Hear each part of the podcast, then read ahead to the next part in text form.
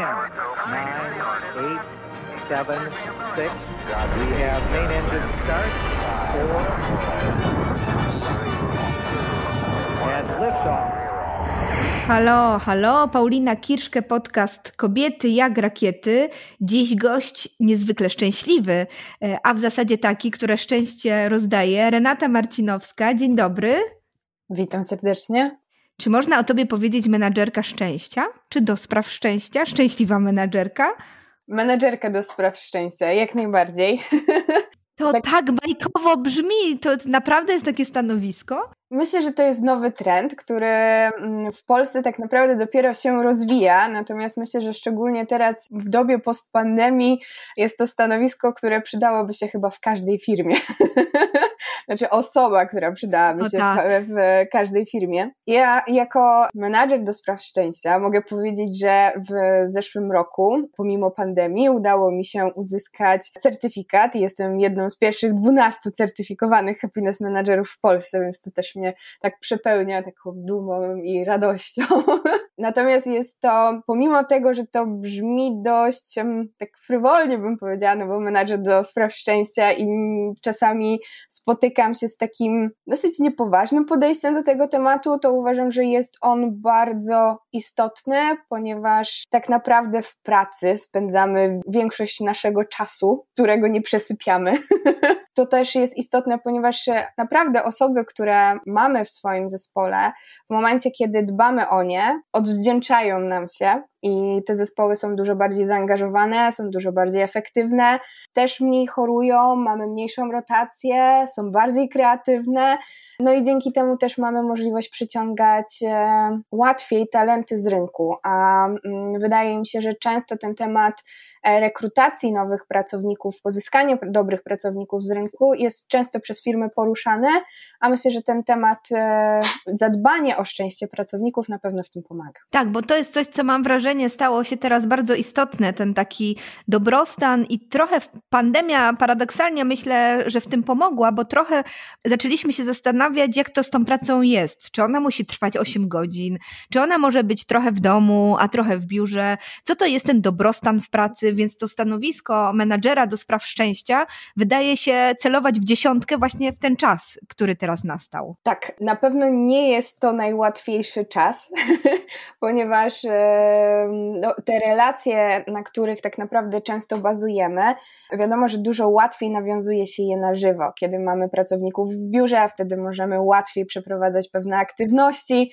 i tak dbać na bieżąco, wyłapywać różne rzeczy. Natomiast w trakcie pandemii jest to trochę utrudnione przez pracę zdalną, ponieważ niecodziennie widzimy się ze wszystkimi, niecodziennie mamy okazję też gdzieś minąć siebie w kuchni albo po prostu, mm, nie wiem, wyłapać jakieś takie pewne niuanse w mailach, które czasami się pojawiają w trakcie, kiedy mamy ten kontakt bezpośredni.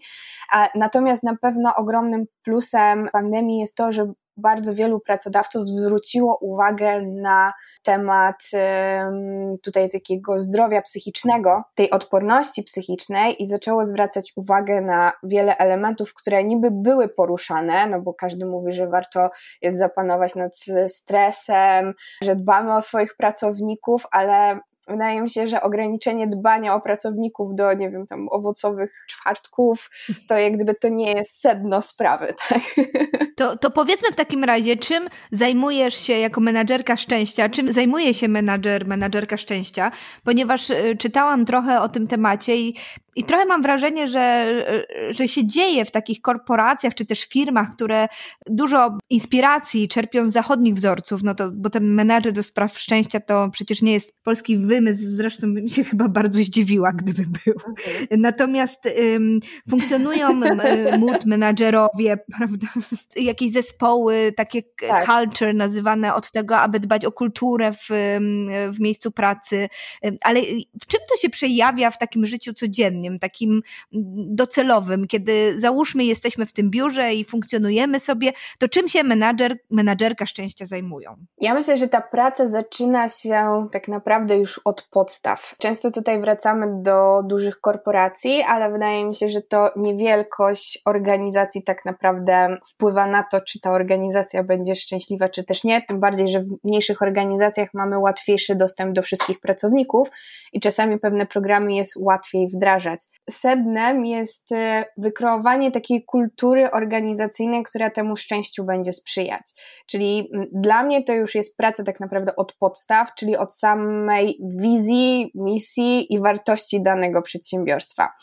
U mnie w pracy, jestem bezpośrednio od e, ponad dwóch lat związana z Restaurant Clubem, gdzie organizujemy e, największe w Europie festiwale restauracyjne. Mamy wśród naszych e, wartości klucz też do rekrutacji pracowników. I to jest jak gdyby nasza baza, od której te wszystkie dalsze działania wychodzą. I po pierwsze, my chcemy zrzeszać ludzi, którzy kochają jedzenie, no, akurat tutaj pod kątem gastronomii, no to wydaje nam się, że to jest e, konieczność i to jest oczywiste. Ludzi, którzy kochają towarzyskość. My budujemy długotrwałe relacje i to dbanie o relacje jest wpisane w nasze wartości.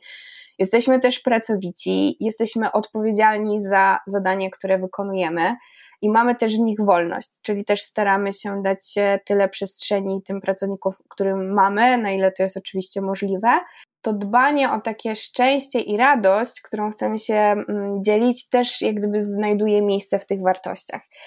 Więc już od samego mm, początku, przechodząc dalej przez proces rekrutacji, następnie przez wdrożenie pracowników onboarding, jak i również przez późniejszy, tak naprawdę cały proces, już tutaj, jeżeli pracownik jest e, u nas, od, e, nie wiem, rozmów, które mamy, od wspólnego świętowania, takich e, małych elementów, z których składa się nasza codzienna praca, w tym wszystkim staramy się dać pracownikom takie poczucie sensu, tego, że ich praca jest ważna, że wiedzą, co robią, dlaczego robią, w którym kierunku zmierzamy, że czują się częścią czegoś większego, że to nie jest tylko ja i nie wiem, wysyłanie maili przez 8 godzin dziennie, tylko jakby moja praca przykłada się na coś więcej. Wyobrażam sobie, że jest takie, nie wiem, no biuro rachunkowe, mhm. które zatrudnia 20 czy 30 mhm. osób. No i teraz y, przychodzisz ty cała na biało i mówisz, to ja będę menadżerką szczęścia. Mhm. I ci te wszystkie panie i panowie księgowi, y, finansiści, y, pa, patrzą na ciebie i, i w ogóle nie rozumieją o co chodzi. Taki szef takiego zespołu czy, czy właściciel firmy też uważa, że to są takie jakieś fanaberie, no bo przecież ci ludzie mają siedzieć, liczyć, e, zbierać te faktury, te rachunki, robić rozliczenia, podliczenia, to wszystko czym zajmują się księgowi i księgowe. A tu nagle wchodzi ktoś i mówi nie, nie, bo to będzie tak fajnie, jak będzie ktoś, kto się będzie zajmował dobrostanem pracowników i pracowniczek.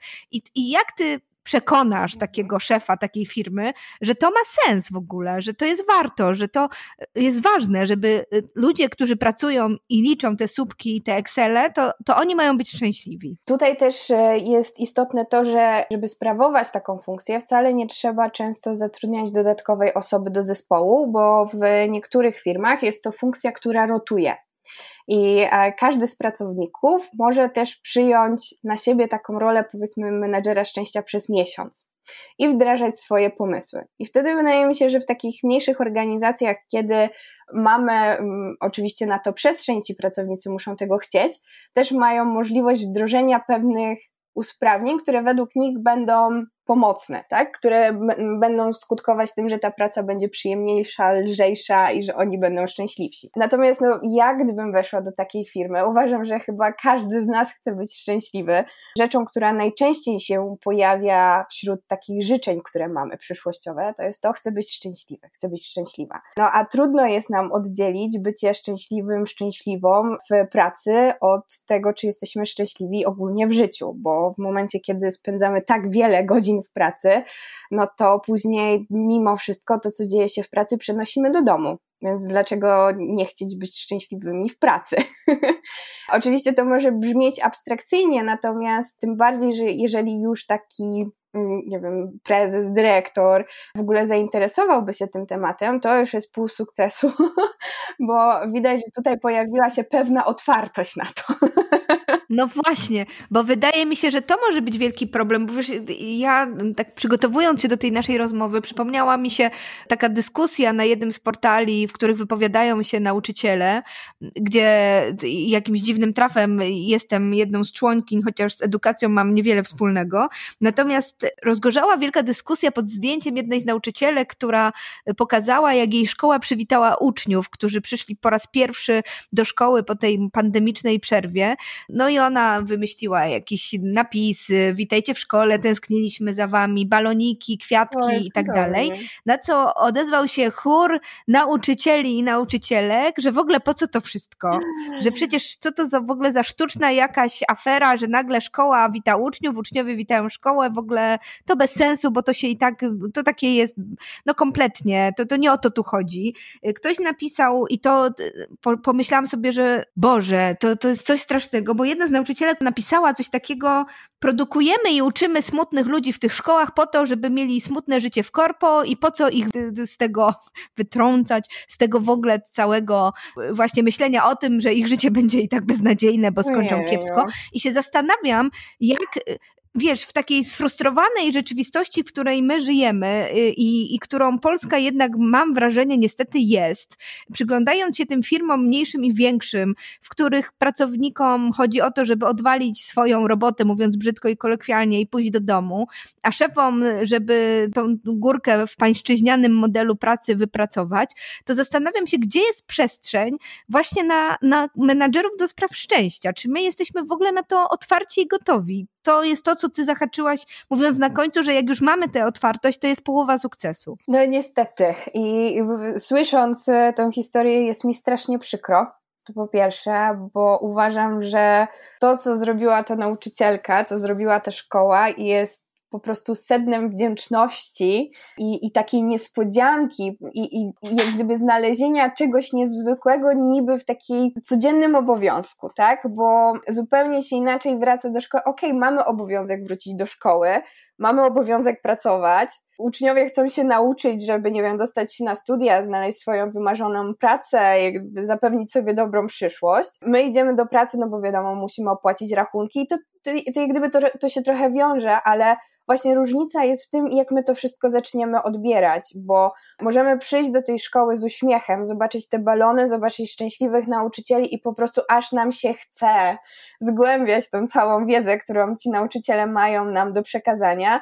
Albo możemy wejść do tej smutnej szkoły, gdzie nie czeka nas nic specjalnego, nie mamy tego efektu wow, zaskoczenia, i czujemy się tak, jakbyśmy po prostu stwarzali problem tym ludziom, którzy nas uczą, że w ogóle się tam pojawiamy. I to jest, to, to, to, wydaje mi się, że to jest bardzo ważne, bo jak wiele zależy od naszego nastawienia. Ja wiem, że to nie jest popularne w Polsce, żeby się cieszyć, uśmiechać, ale e, no możemy no też wyjechać za granicę i zobaczyć. Spójrzmy, jakie e, rocznice kultywujemy, prawda? Tak. Tam radości nie ma za grosz generalnie w tym wszystkim, o czym my mówimy i, i co tak. jest dla Polaków i Polek e, podobno ważne.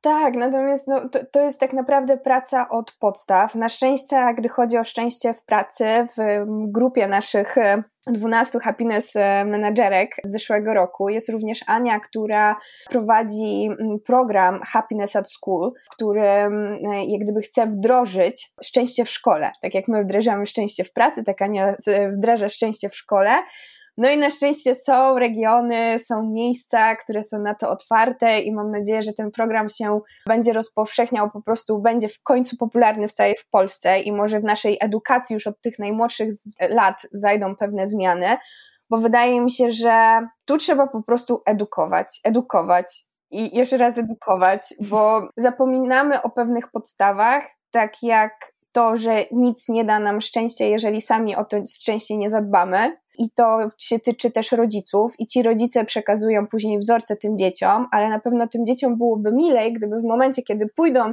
do tej szczęśliwej szkoły, to wyjdą szczęśliwe z tej szkoły i później będą szukać tego szczęścia też dalej, tak? Czy to na uczelniach, na uniwersytetach, czy właśnie później w pracy a jednak e, no, szczęście jest zaraźliwe, więc im więcej tych szczęśliwych osób, tym będzie nam lepiej, więc myślę, że tutaj po prostu to nie jest e, misja na rok, myślę, że to jest misja na lata, żeby jednak sprawiać, że, że Polacy będą szczęśliwsi i trochę zmienimy te swoje przekonania, które są błędne często, które gdzieś mamy tak bardzo mocno zakorzenione. Zmienimy po prostu sposób postrzegania siebie, swojego życia i tak otworzymy się trochę na więcej radości w nim, bo my bardzo lubimy narzekać. Tak, narzekać, ale też brakuje nam, mam wrażenie, i to widać w zasadzie na każdym kroku, takiej ludzkiej życzliwości, tego, żebyśmy się po prostu uśmiechnęli do kogoś na ulicy albo do pani w sklepie. To w sklepie to może nie będzie widać, bo jesteśmy w maskach, ale na ulicy Oj, już tak. można teraz, więc, więc gdzieś, gdzieś brakuje, prawda? Ja pamiętam takie spotkanie ze studentami z całego świata przy jednym z projektów i rozmawialiśmy o idei miasta szczęśliwego i oni właśnie powiedzieli, no nie nie możemy zrozumieć tego, że na waszych, a to było przed pandemią, że na waszych ulicach nikt się do siebie nie uśmiecha. No i ja tak sobie pomyślałam, że no to wielka prawda, no po prostu my się nie uśmiechamy do siebie nawzajem, nie patrzymy na drugiego człowieka z życzliwością, trąbimy na niego po prostu, bo przełazi przed naszą maską samochodu, prawda, tak. gdzieś tam patrzymy krzywo, no bo tu dzieci hałasują, a ja chcę, nie wiem, się zdrzemnąć na przykład po południu. Brakuje nam szczęścia, życzliwości takiej po prostu najzwyklejszej na co dzień. Myślę, że mamy z tym problem. Ja już dzisiaj, to, to mogę powiedzieć sprzed chwili, e, bo wracając z pracy do domu, spiesząc się tutaj na nagranie, jechałam w e, taksówce ja mam wrażenie, że to, co dajemy, wraca. W momencie, kiedy poprosiłam pana, żeby tutaj skręcił, bo była droga na skróty, uśmiechnęłam się do niego, prosząc go o to, to za chwilę nie dosyć do tego, że wróciło do mnie to, że się uśmiechnął, że pojechał tą drogą, którą chciał, to jeszcze dowiedziałam się, że mam piękny uśmiech, więc od razu tak, ojej, mówię bardzo dziękuję, wiadomo, miło jest słyszeć takie rzeczy, więc ja myślę, że e, tak samo jak idziemy ulicą, ja myślę, że naprawdę czasami ten uśmiech nas nic nie kosztuje, a wtedy zaczynają się dziać dookoła nas naprawdę miłe rzeczy, takie niespodziewane, bo to po prostu wraca. Mam takie, takie przeświadczenie, że y, też łatwiej jest nam nawiązać relacje. Na przykład jak ja, e, nie wiem, schodzę do siebie, to już znam praktycznie wszystkich sąsiadów, zawsze mówię dzień dobry i to jak gdyby tak no wraca i ci ludzie mówią, że no, że piękny dzień, że tutaj nigdy tak naprawdę nie wiadomo, czego od kogoś możemy się dowiedzieć, nawet jeżeli ktoś nam nieznany. To też są badania, które pokazują, że te relacje, które nawiązujemy, i to niekoniecznie chodzi o te relacje, które mamy z naszymi bliskimi, przyjaciółmi, tylko również te relacje takie właśnie z nieznajomymi takie po prostu proste akty życzliwości. Nie wiem, ktoś wychodzi, otworzę mu drzwi od klatki, bo widzę, że coś niesie, poczekam, jak będę wjeżdżać windą, bo widzę, że ktoś się spieszy i biegnie do tej windy. Czy właśnie takie zwykłe powiedzenie dzień dobry, albo jak wychodzę gdzieś to miłego dnia, jak się z kimś żegnam. To są takie proste akty, które naprawdę później jak gdyby wpływają na to, że my czujemy się lepiej, ale też ludzie, z którymi mamy styczność, czują się lepiej i oni to przekazują dalej. Więc e, to jest bardzo ważne i mam nadzieję, że to powoli będzie się w Polsce zmieniać. Tak, przypomniałaś mi książkę, którą czytałam dawno temu. Napisała ją Małgorzata Musierowicz właśnie w tej swoim cyklu Jerzycjady i tam młodzież, dzieciaki miały, mieli taki projekt, który się nazywał Eksperymentalny Sygnał mhm. Dobra. I oni chodzili ulicach i się uśmiechali do, do ludzi i reakcje były przeróżne, bo jedni byli zdziwieni, inni traktowali ich jak jakichś pomyleńców, bo co ty się takiej szarej Polsce uśmiechać nagle w ogóle z jakiego powodu, więc to też może być różnie odbierane, to po pierwsze, a po drugie przypomniało mi się wydarzenie, może bardziej sytuacja, w której mm, spotkałyśmy się również, mimo że nie mamy nic wspólnego z edukacją, ale jako Fundacja imienia Julii Wojkowskiej zostałyśmy zaproszone przez Edukreatywne do tego, aby poopowiadać o warsztatach, które robimy dla dziewczyn i opowiadając właśnie jak, jakie warsztaty robimy, dlaczego, na końcu powiedziałyśmy, że no przecież wszystkim nam chodzi, nauczycielom, rodzicom, o to, aby wychowywać szczęśliwych mhm. dzieci. No po co te dzieci chodzą do szkoły i po co my je wychowujemy? No po to, żeby wyrośli na szczęśliwych dorosłych. No chyba taka jest nasza rola. I wtedy te osoby, które nas słuchały i prowadzące nawet jakby zamilkła, bo my często o tym zapominamy, prawda? Że to jest taka prosta rzecz. Chodzi o to, żeby być po po prostu szczęśliwym, a, a w natłoku y, i codzienności to, to jest naj, najpierwsza rzecz, mam wrażenie, o której zapominamy. E, zdecydowanie, i, e, ale też zwróćmy uwagę, bo mówimy tutaj, że to jest podstawa, żeby wychowywać szczęśliwe dzieci, ale też jak my składamy życzenia szczęścia, zdrowia, pomyślności. To szczęście jest zawsze i wszędzie. I dlaczego tak mało ludzi z nas, jak gdyby w to, mimo że tego życzymy każdemu, to tak mało osób jak gdyby jest w stanie to zastosować w swoim życiu. Tak się zastanawiam teraz. I tak, i dlaczego na przykład takie stanowisko jak dyrektorka do spraw szczęścia, czy menadżerka do spraw szczęścia uznawane jest za jakąś abstrakcję, czy, czy jak powiedziałaś na początku, użyłaś, nie wiem, takiego ładnego słowa, nie wiem, czy to była fanaberia, czy, czy coś równie ładnego, ale że generalnie, ale kto?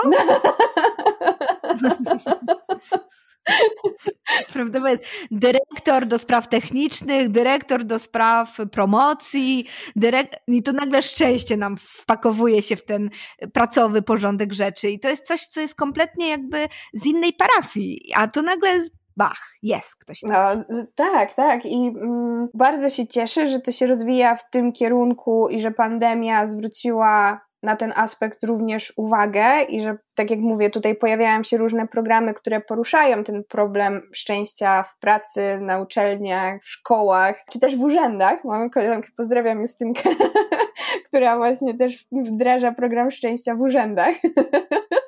Tutaj też może być... Nie wierzę. To, to, się, to się, wiesz, kłóci w ogóle.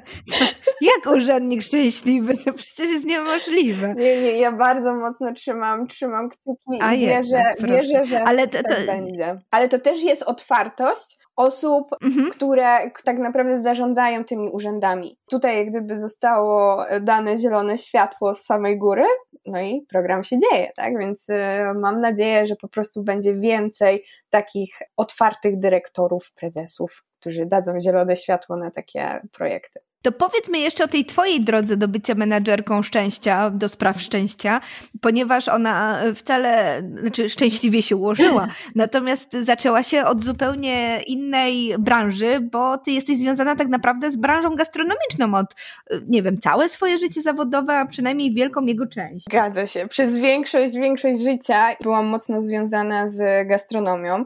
W sumie tak w skrócie mogę powiedzieć, że e, studiowałam zarządzanie zasobami ludzkimi na Uniwersytecie Ekonomicznym w Poznaniu. Później podjęłam swoją pierwszą pracę właśnie w dziale zasobów e, ludzkich. Natomiast szybko wróciłam do gastronomii, ponieważ założyłam swoją działalność gastronomiczną, która polegała na tworzeniu takich dań gotowych do gotowania, zupełna nowość w Poznaniu. I później tak moja droga się potoczyła, że przez już około 7 lat rozwijam właśnie typowo startupy gastronomiczne w różnych obszarach, ale jak gdyby ta gastronomia była mi cały czas jest mocno obecna w moim życiu.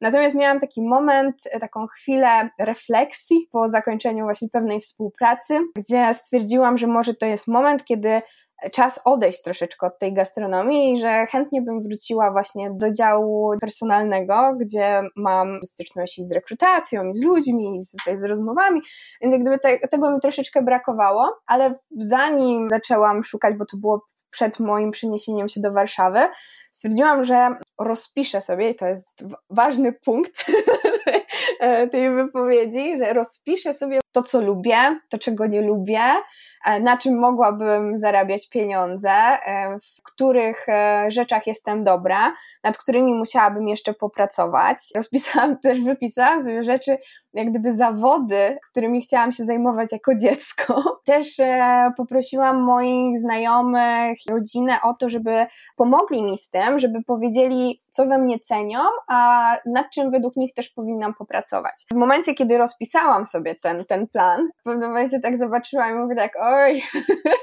będzie trudno to wszystko pogodzić, no bo rozrzut był duży, natomiast mówię, nie ma rzeczy niemożliwych. No i później stwierdziłam, że wrócę jednak e, do Heru, przeprowadziłam się do Warszawy, Natomiast po dosłownie miesiącu, dwóch w Warszawie, nagle otrzymałam ogłoszenie rekrutacyjne od trzech niezależnych osób z informacją o tym, Renia, to jest praca dla ciebie. Po prostu idealna praca dla ciebie. Ja mówię, no to nie może być przypadek. Oczywiście przeczytałam, stwierdziłam faktycznie idealne ogłoszenie dla mnie. Na szczęście udało mi się e, umówić na spotkanie razem z Pawłem Świadczyńskim i Maćkiem Żakowskim, którzy są założycielami Restaurant Weeka. Pierwszą informacją, którą otrzymałam po przyjściu na tą rozmowę było to, że w sumie oni mają zamkniętą rekrutację na to stanowisko, ale mam ciekawe CV, więc w sumie porozmawiajmy. No i tak zaczęliśmy rozmawiać. E, powiedziałam im, czym się zajmowałam. Oni opowiedzieli mi więcej o tym, co, e, co robią. Ta rozmowa była bardzo, tak czuć było taki ogromną pasję i zaangażowanie w tym, jak oni o tym opowiadali, a ja, że jestem tak blisko z gastronomią, to po prostu czułam to wszystko, co oni mówili. No i w pewnym momencie Paweł zadał mi pytanie, no dobrze, ale czym ty byś chciała się u nas zajmować? No i wtedy wracając do tej listy, którą miałam wypisaną, powiedziałam takie cztery główne obszary. Chwileczkę, chwileczkę, tylko wyciągnę karteczkę. Dokładnie. Na szczęście miałam to w głowie, bo moja karteczka byłaby za duża, chyba żeby ją do torby wtedy się przerazili. Natomiast cztery główne obszary miałam, miałam spisane. Oni w momencie, kiedy im to powiedziałam, oni powiedzieli, że oczywiście potrzebują chwili, żeby się nad tym zastanowić. Wróciłam do domu, no byłam bardzo podekscytowana. Moja mama, e, w ogóle to też był ciekawy moment, ponieważ ja byłam e, przed przedłużeniem okresu próbnego w mojej pracy obecnej i moja mama, która zawsze jest taka bardzo ostrożna, w momencie, kiedy mnie usłyszała po tej rozmowie, powiedziała: Córcia, ryzykuj. jak gdyby, jak gdyby, gdyby, gdybym tej pracy e, po prostu nie, nie, nie wzięła, no to myślę, że no, no jak gdyby sama sobie ją jak gdyby wymarzyłam. No i po, po dwóch tygodniach Paweł wrócił do mnie z informacją, że chcą się spotkać. No i w trakcie rozmowy powiedział mi, że chcą mi zaproponować, żebym się zajmowała tym, tym, tym i tym. I to były dokładnie te cztery rzeczy, które wymieniłam w trakcie rozmowy. Więc można powiedzieć, że wymarzyłam sobie, wyprosiłam tą pracę i udało mi się pogodzić te wszystkie rzeczy, którymi lubię się zajmować. Więc to już mi dawało ogrom szczęścia. Później w dalszym toku tego, mm, jak zajmowałam się na tym stanowisku, co wdrażałam, czyli nie wiem, były nasze poniedziałkowe śniadania, które miały rozładować atmosferę po weekendzie, bo zawsze słyszymy to, że ten jest, jest ten poniedziałkowy mód, gdzie po prostu nikomu się nie chce wrócić do pracy, ludzie mają ścisk w żołądku, no, a u nas staraliśmy się to rozładować tym, żeby zamiast myśleć o tym stosie maili, które czekają na nas po całym weekendzie, to jednak zastanowić się, ojej, a co będzie ciekawego dzisiaj na śniadanie, bo też w pewnym momencie e, to już e, każdy członek zespołu miał wyznaczony termin, kiedy przygotowywał śniadanie dla innych, więc tutaj były różności, były śniadania, które robiliśmy sami, były tosty, były gofry, też zapraszaliśmy na nie partnerów czasami, więc tak naprawdę tworzyła się taka bardzo rodzinna atmosfera. No i takich działań wspólnych było naprawdę dużo. Tu mieliśmy na przykład po bardzo trudnym festiwalu, na którym też pobiliśmy rekord naszych gości, a żeby rozładować napięcie, e, zorganizowaliśmy dla wszystkich na przykład spacer z alpakami. Mieliśmy taką alpakoterapię. Później, e, a na przykład ostatnio ciekawostka w ramach jednego spotkania, bo mm, wróciliśmy na, mm, bo jakby w, przez e, czas pandemii e, mieliśmy wolne piątki i ostatnio ze względu na mm, tutaj zwiększenie obrotów wróciliśmy z powrotem i na przykład jest taka opcja, żeby na spotkanie właśnie na Zoomie zaprosić kozy. I na przykład ostatnio w piątek, właśnie o 16 mamy happy hours i zaprosiliśmy na spotkanie pana, który nam pokazywał, pokazywał kozę Lole, która z nami była w trakcie spotkań, więc naprawdę, jeżeli ktoś chce, to można wymyślić różne ciekawe rzeczy, żeby wprowadzić ten element zaskoczenia.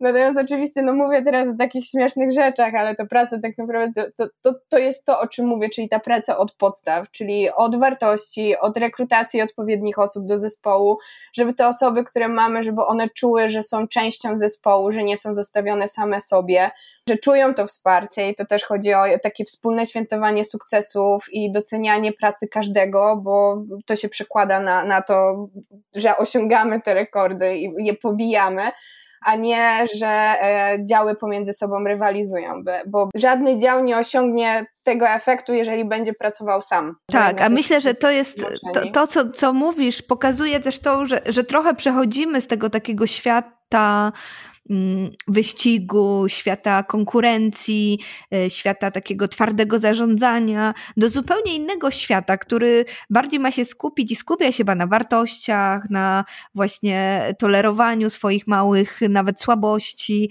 na tym, żeby być dla siebie miłym, uśmiechniętym, żeby być ze sobą bardziej.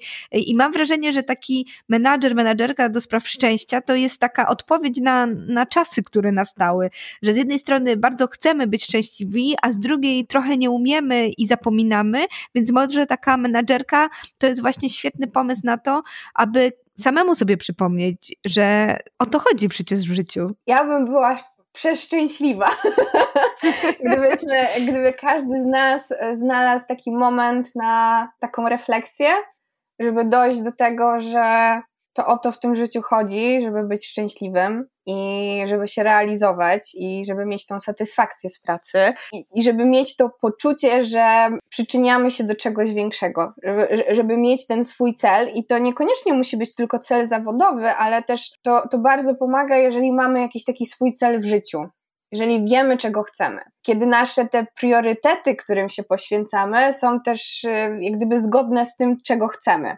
bo my często mówimy o tym, że rodzina i znajomi są dla nas na pierwszym miejscu, a później się okazuje, że my w tej pracy spędzamy tyle czasu i poświęcamy jej tyle uwagi, że na tych znajomych i rodzinę tak naprawdę zostaje mało przestrzeni, i później to skutkuje tym, że wewnętrznie my się zaczynamy zamykać. I my widzimy, że coś jest nie tak, bo z jednej strony ja osiągam te sukcesy, niby jest wszystko dobrze, ale w pewnym momencie gdzieś nie mamy tej równowagi i warto o tym pamiętać i warto o to dbać. I mam nadzieję, że żeby zadbać o to szczęście, to nie jest potrzebny menadżer do spraw szczęścia, chociaż nie wiem, nie powinnam chyba tego głośno mówić. Bo chciałabym, żeby po prostu każdy z nas był w stanie, jeżeli my zadbamy o swoje szczęście, to ludzie dookoła nas też będą szczęśliwi byłoby cudownie, gdyby osoby w firmach, czasami jeżeli widzą taką potrzebę, żeby to było to szczęśliwsze miejsce pracy, wychodziły ze swoją inicjatywą, bo czasami to są małe rzeczy, czasami to może być, nie wiem, zrobienie komuś kawy, to może być podziękowanie za coś, to może być napisanie karteczki na stole, dzięki za, nie wiem, super projekt, wysłanie maila czy podziękowania. Też jeżeli, bo często my mówimy, że nie wiem, szefowie nas nie chwalą. Ostatnio widziałam raport dotyczący wdzięczności, doceniania i jak wiele osób nie jest docenianych w pracy, ale też dajmy sobie e, przestrzeń na to, żeby się chwalić samemu. Na zasadzie, jeżeli zrobię coś dobrze, to mam prawo powiedzieć, że zrobiłem to dobrze, zauważyć to. Jeżeli ktoś nas chwali, to też dziękujmy za to. I to jest tak dużo różnych elementów, które tak naprawdę niewiele kosztują, a mają ogromny wpływ na to, jak my się czujemy w tej pracy. Tak, bo od razu mi się przypomniało to takie krygowanie się, jak ktoś ci mówi, ale super robota, ale nie, no co ty, to takie tam no po prostu zrobiłem, prawda?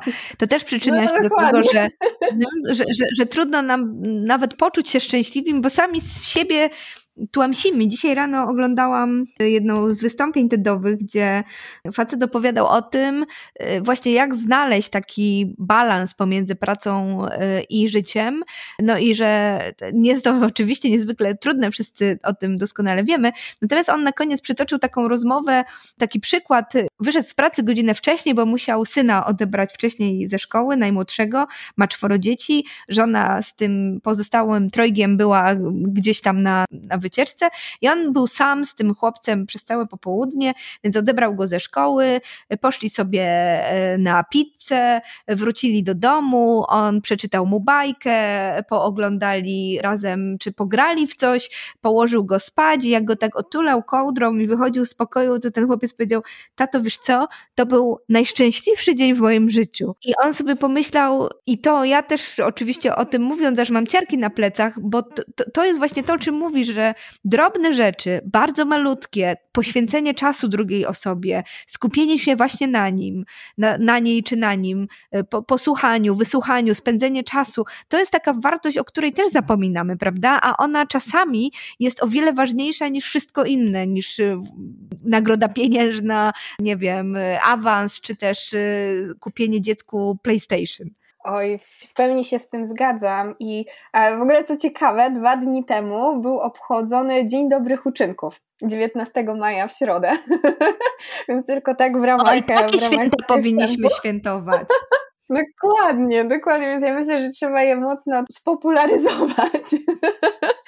tak naprawdę najcenniejszą rzeczą, którą możemy komuś podarować jest ten czas i uwaga, ale taka szczera. To, to nie chodzi też o to, żeby po prostu czasami razem siedzieć i bez celu patrzeć Każdy się w swoim w telewizor, żeby, tak, albo w, w swoim telefonie, tylko żeby faktycznie mieć coś, nawet niech to będzie krócej, ale po prostu spędźmy ten czas razem i zbudujmy tą więź pomiędzy nami.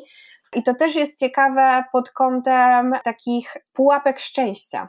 Rzadko sobie zdajemy z tego sprawę, że to nasze szczęście wcale nie jest takie oczywiste i rzeczy, które wydają nam się, że mm, wpłyną na nas bardzo mocno, że o, jak to się stanie, to będę szczęśliwy. Faktycznie one wpływają na to, że ten poziom szczęścia się podnosi, ale on podnosi się chwilowo bo działa też coś takiego jak adaptacja mm, hedoniczna, która powoduje to, że my się do rzeczy po prostu przyzwyczajamy. I co jest ważne, my się przyzwyczajamy do dobrych i do złych a do tych złych jeszcze szybciej.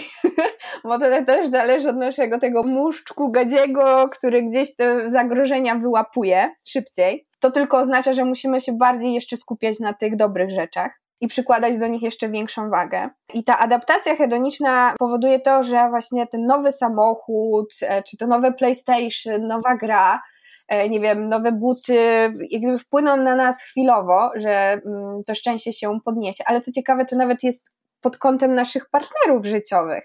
Że czasami, pomimo tego, że na początku mamy wrażenie, że o mój Boże, po prostu trafiłam na księcia z bajki i lepiej bym nie mogła trafić, po, po jakimś czasie, pierwszych miesiącach, roku, dwóch, nagle się okazuje, że zamiast księcia mamy żabę, ale e, to nie do końca też zawsze o to chodzi, ponieważ my po prostu się przyzwyczajamy do pewnych rzeczy i rzeczy, które na początku nam sprawiały tyle radości, traktujemy za oczywistość, za nową normalność. I warto czasami zrobić taki krok wstecz, zastanowić się, jakby było, gdyby, nie wiem, tej osoby, tej rzeczy nie było, dać sobie ją przeżyć na nowo, albo pójść w drugą stronę e, i zamiast inwestować właśnie w takie rzeczy materialne, zainwestować trochę więcej w przeżycia, doświadczenia. To może być e, wspólny spacer, to może być wspólna kawa, to może być wspólne wyjście na koncert, do restauracji, wakacje, tylko że chodzi o to, że to są rzeczy ulotne.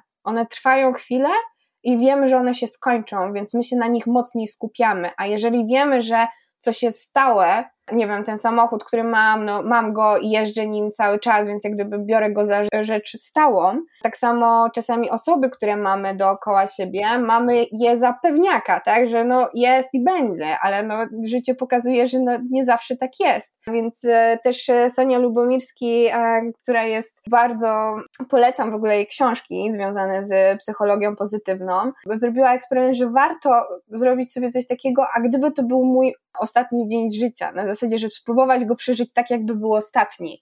I dopiero wtedy zaczynamy tak naprawdę doceniać te rzeczy, które mamy gdzieś dookoła i bardziej zwracać na nie uwagę. I też nasze punkty odniesienia to, to, to jest kolejna pułapka szczęścia, że nasz mózg nie jest obiektywny, tylko się odnosi tak bardziej do takich absolutów, czyli jeżeli ja się porównuję z kimś, to niekoniecznie będę się porównywała, powiedzmy, nie wiem, nie, weźmy pod uwagę wypłatę, bo dalej krążmy wokół tego tematu tak. szczęścia w pracy, bo to jest w ogóle dla mnie niesamowicie ciekawe doświadczenie. W momencie, kiedy mamy, zarabiamy powiedzmy określoną kwotę, dostajemy określone wynagrodzenie, zamiast porównywać się z osobami, które są powiedzmy na podobnym stanowisku, z podobnym stażem, w podobnym mieście, my zamiast tego często się porównujemy do osób, które zajmują się zupełnie czymś innym, e, ich życie wyglądało zupełnie inaczej i jak gdyby mamy często takie poczucie, bo on ma więcej, pomimo tego, że my wybraliśmy zupełnie inną drogę. To też jest ważne, żeby po prostu mieć dobre punkty odniesienia.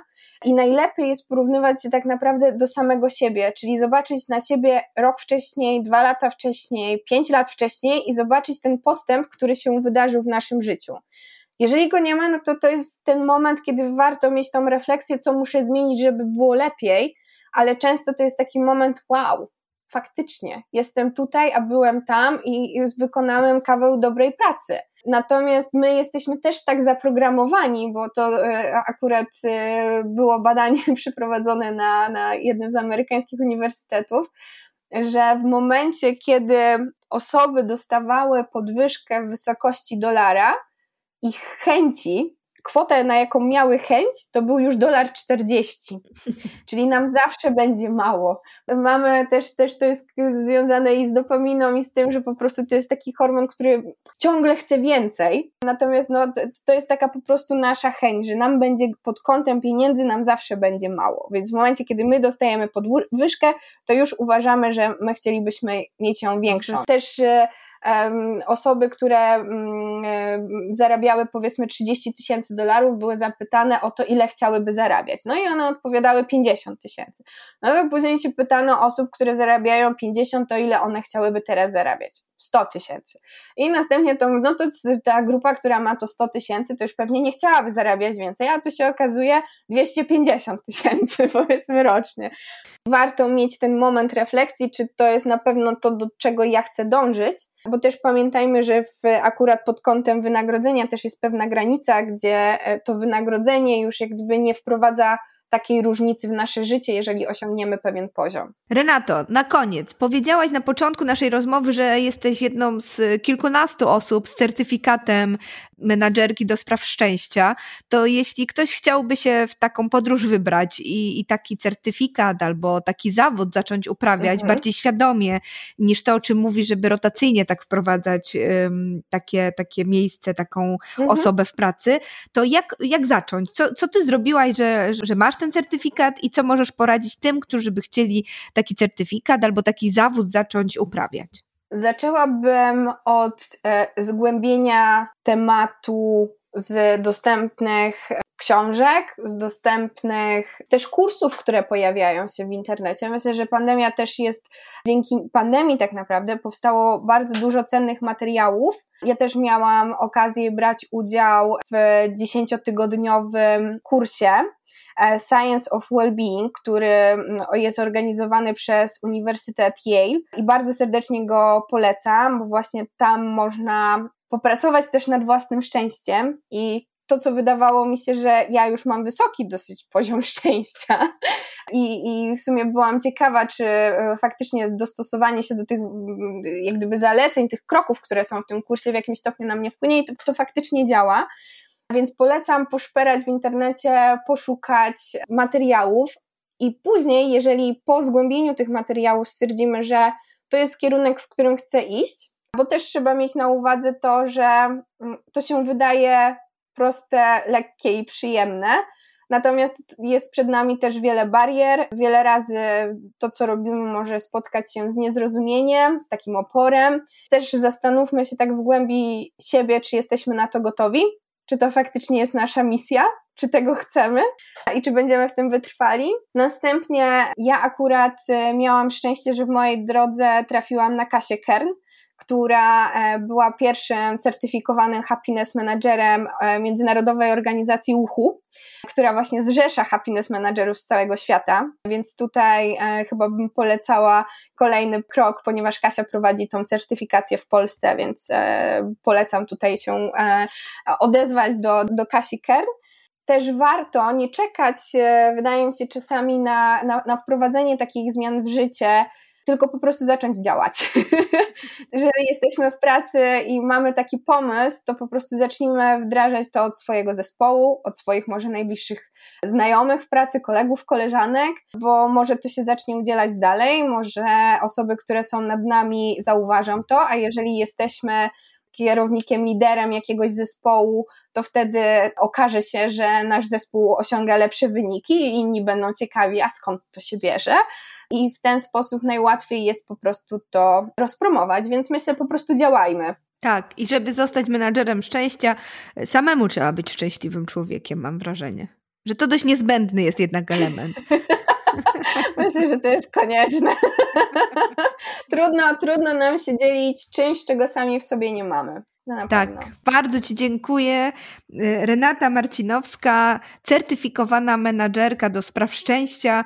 Myślę, Renato, że gdyby można Ciebie wypożyczać, to zrobiłabyś furorę, gdybyś tak, wiesz, tym szczęściem i tymi swoimi opowieściami dzieliła się z ludźmi, którzy tego potrzebują, mm, bo myślę sobie, że naprawdę tego szczęścia bardzo, bardzo, bardzo nam brakuje i tego poczucia, że to jest bardzo ważna i istotna rzecz i tak naprawdę o to w życiu chodzi. Bardzo Ci dziękuję za rozmowę. Trzymam kciuki za to, aby ta idea y, menedżerów szczęścia w różnych miejscach, w szkołach, w urzędach, w firmach, w korporacjach y, naprawdę y, zalała całą Polskę, bo myślę, że bardzo tego potrzebujemy. Ja oczywiście jestem do pomocy. jeżeli ktoś tylko, jeżeli ktoś tylko będzie chciał, nie wiem, zasięgnąć jakieś rady, porady, albo po prostu dostać takiego wsparcia, nawet takiego psychicznego, że to jest kierunek, w którym warto działać, to ja jak najbardziej jestem na to otwarta, bo to chodzi o to inspirowanie do tego, żebyśmy byli szczęśliwi, więc e, też zachęcam do obserwowania Happiness Tribe Poland, gdzie razem właśnie z dziewczynami inspirujemy tym szczęściem i tam zamieszczamy różne newsiki na temat szczęścia, najnowszych badań, więc myślę, że warto po prostu e, to też obserwować. Super. Y, link będzie w opisie do tego podcastu. Jeszcze raz bardzo Ci dziękuję. Renata Marcinowska, ja menadżerka do spraw szczęścia. seven, six. We have main engine start, four, and liftoff.